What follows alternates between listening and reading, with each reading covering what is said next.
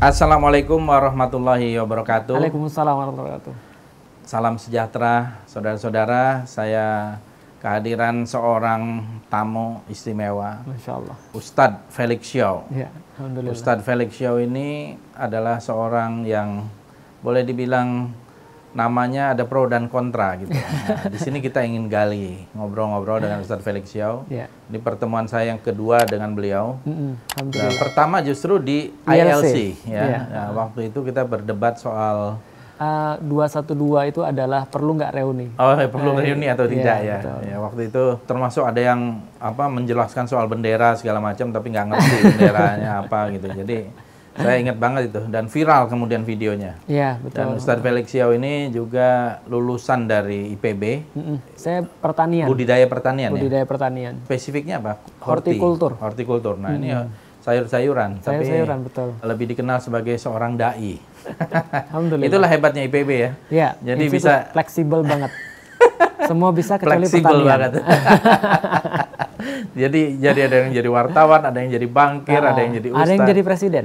Ada yang jadi presiden. SBY? SBY, Hmm, ya. IPB. Doktornya dari IPB ya. Iya, betul. Jadi ini pertemuan yang mungkin kita Hmm. bisa eksplorasi. Saya ingin tanya dulu, uh, Ustadz Felix, itu pertama dari nama ya, Ya. kan namanya tuh sangat unik ya, Felix Xiao. Ya. Ini bukan nama asli atau nama lahir? Ah, nama lahir saya Felix Yanuar, Ah, tapi Oh. kita punya nama Chinese. Ya. Karena uh, nama Chinese itu kan diberikan pada orang-orang ya sebagai bentuk daripada penghargaan ya karena kita memang etisnya Chinese gitu ya. Iya, iya. Nama Chinese saya kan Xiao Chen Kuo. Nah, uh, Ah, nah, artinya jadi apa tuh? Xiao itu kan marga. Nah, kalau di dunia orang-orang Chinese itu kalau Xiao itu adalah marga yang ada di depan huruf pertama. Kalau huruf kedua itu biasanya mereka sharing di antara keluarga, di antara saudara-saudara. Jadi kalau kakak saya pasti ada Xiao Chen, Xiao Chen apa. Nah kalau saya Xiao Chen Kuo, Chen itu artinya bersungguh-sungguh, Kuo itu artinya negara. Oh, gitu Iya, ya. Jadi dari awal memang ngurusin negara kayaknya. Ngurusin negara. itu nama lahir eh, tapi jadi Felix Xiao ya panggilan Felix tadi. Yanuar. Felix Yanuar ketika saya sudah masuk kuliah, eh, Yanuarnya itu awalnya malah Hendrikus Felix Yanuar. Karena kan ada nama baptis kan. Dan nama baptis. Nah, setelah saya kemudian eh, jadi ateis, nama baptis itu nggak saya eh, pakai lagi.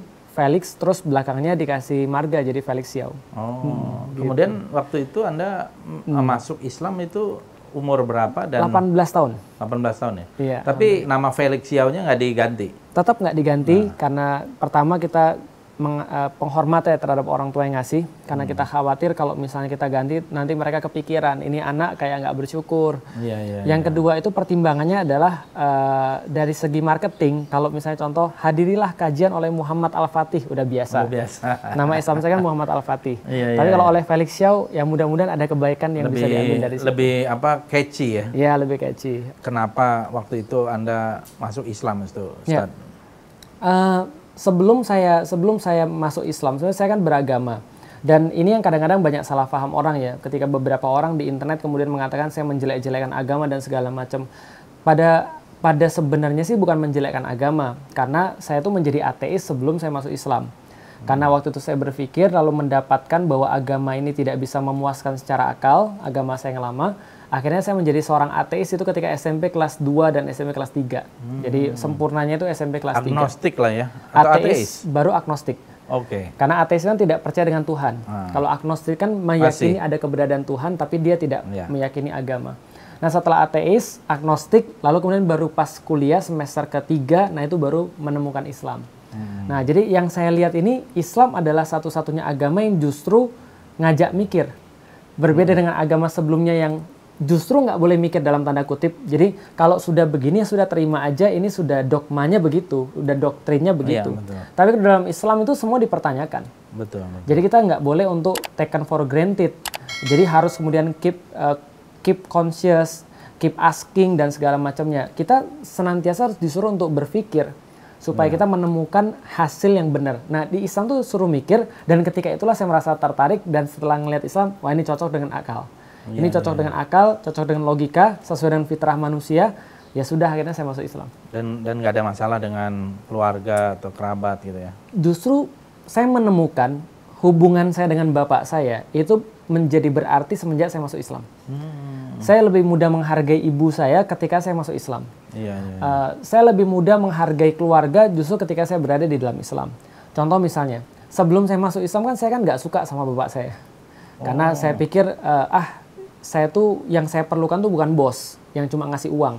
Yang saya perlukan tuh adalah orang tua yang membimbing dan saya nggak merasa dapat itu. Jadi saya merasa bahwa ya orang tua tuh cuma kalau misalnya mereka nggak suka mereka marah, tapi mereka nggak ngasih tahu harusnya seperti apa, bahkan tidak mengarahkan seperti apa. Tapi ketika saya sudah masuk Islam, uh, Islam justru mengarahkan begini, bukan tugas kamu menghisap hmm. bapakmu, tugasmu itu adalah berbakti pada orang tua, terlepas hmm. apa pun kondisinya.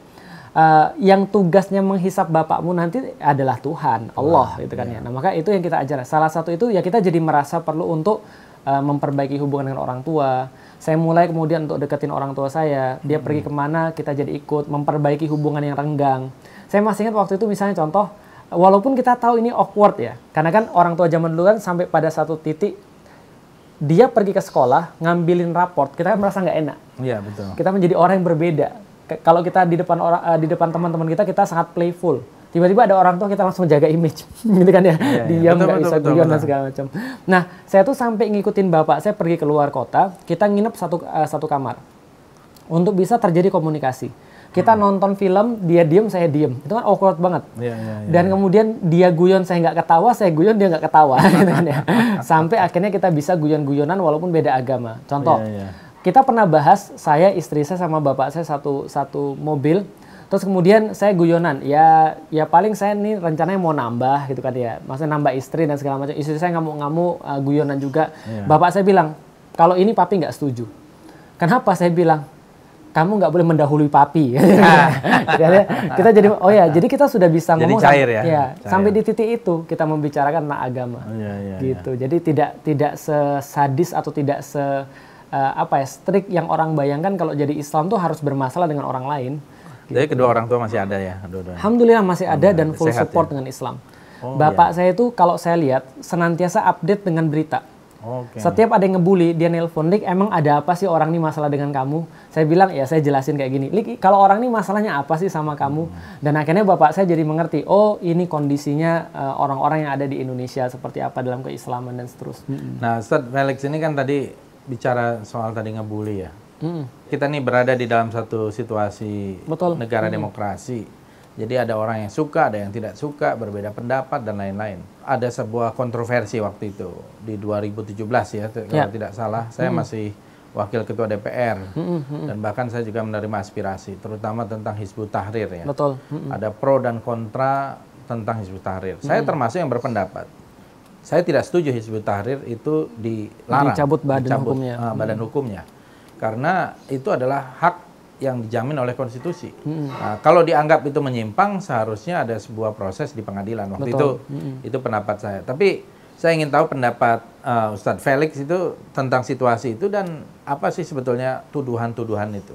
Ya, uh, pertama-tama ketika saya ditanyakan ya, bagaimana ketika Hizbut Tahrir dibubarkan, saya melihat bahwa itu adalah sebuah dalam tanda kutip ya kewajaran, kewajaran yang memang ya akan terjadi dalam dakwah.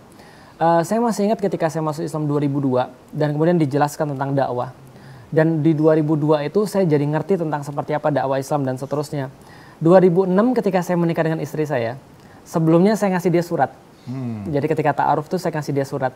Dalam surat itu saya berkata begini, Uh, kamu mau nggak jadi istri saya? Masih pakai surat nih ya? Masih pakai surat. Nggak pakai WA? nggak pakai WA. Mahal gitu. Uh. SMS waktu itu mahal nah, gitu kan. Okay. Dan kita pakai surat, mau nggak kamu jadi istri saya? Tapi resikonya saya, saya bilang bahwa apa yang saya perjuangkan ini, apa yang saya dakwakan ini bisa jadi akan membuat masalah ke depan.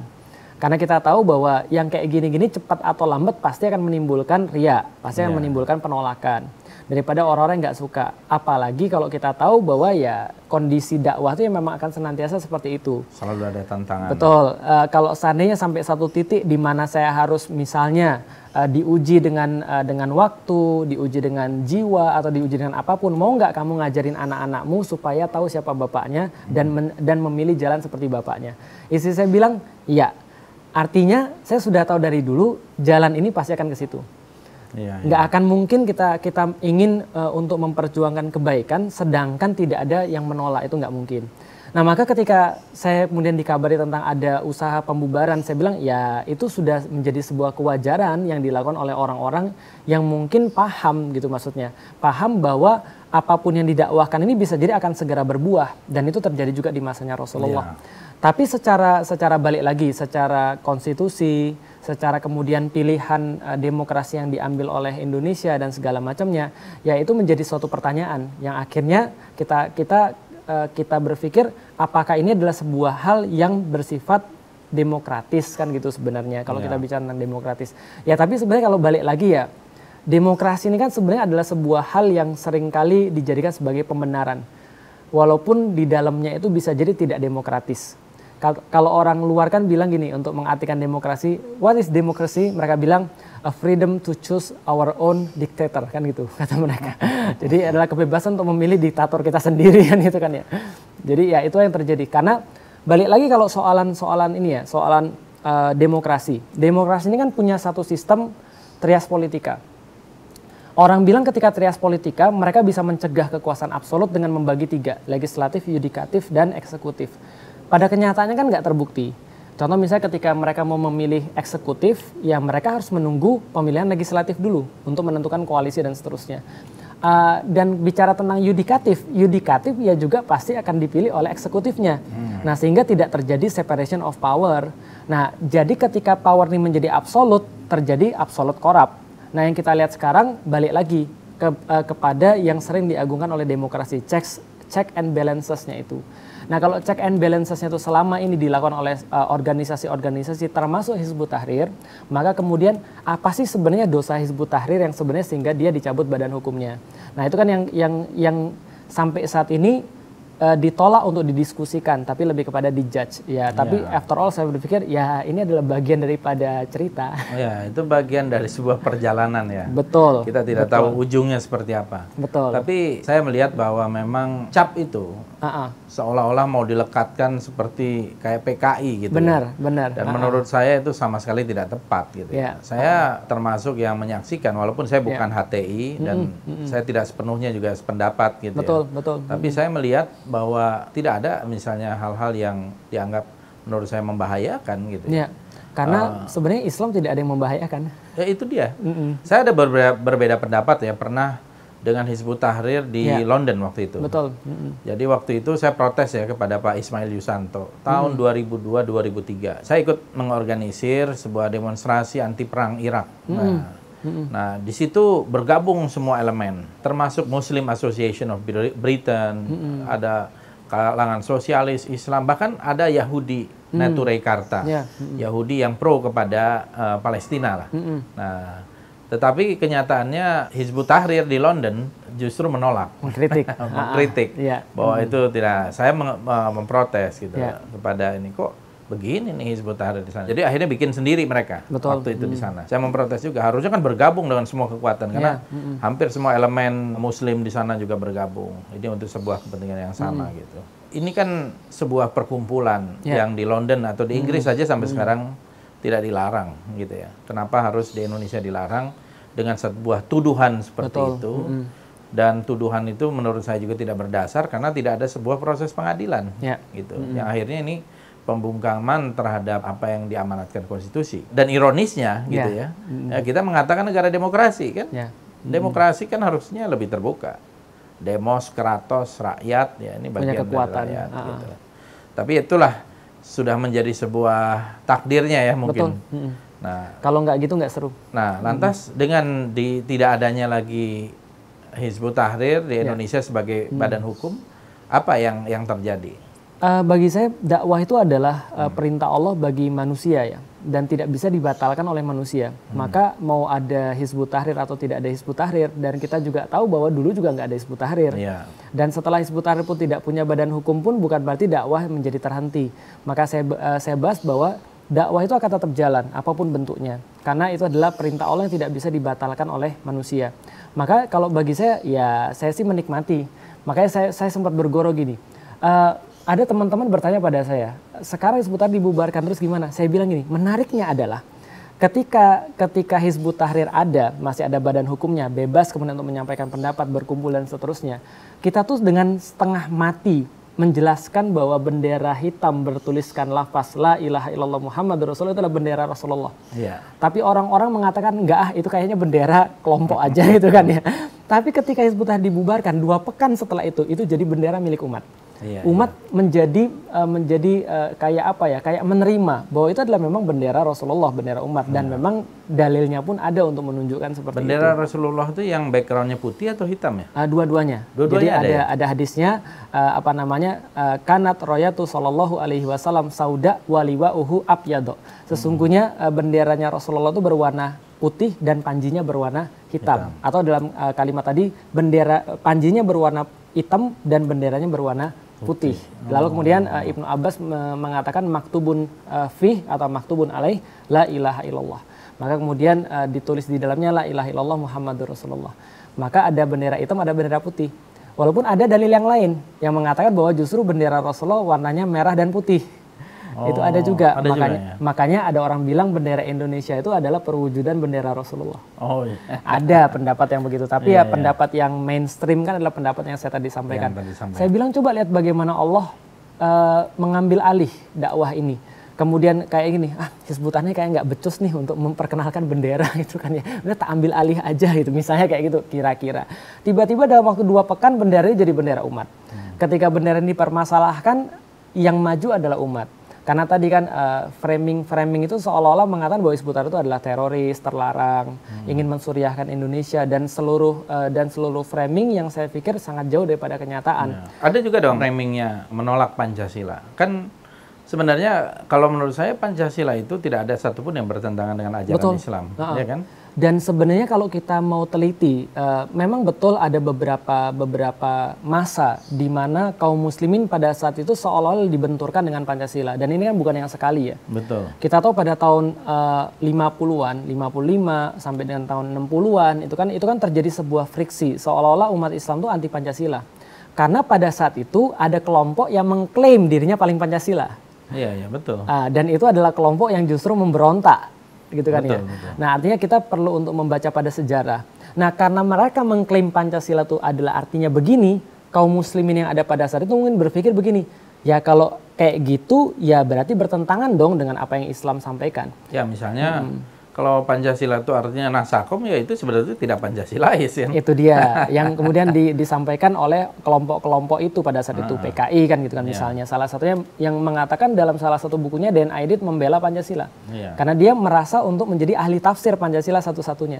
Nah, jadi pola-pola ini iya, pernah padahal dipakai. dari dulu yang namanya komunis itu mau mengganti Pancasila dengan Betul. komunisme. Betul. Itu cita-cita lama dan mm -hmm. uh, mungkin karena kalah dia berusaha untuk ya berstrategi namanya Betul. strategi aliansi dengan kanan gitu. Ya, waktu itu kan makanya membentuk Nasakom. Ya. Nah, setelah membentuk Nasakom ternyata ya setelah itu dimakan sendiri kan gitu.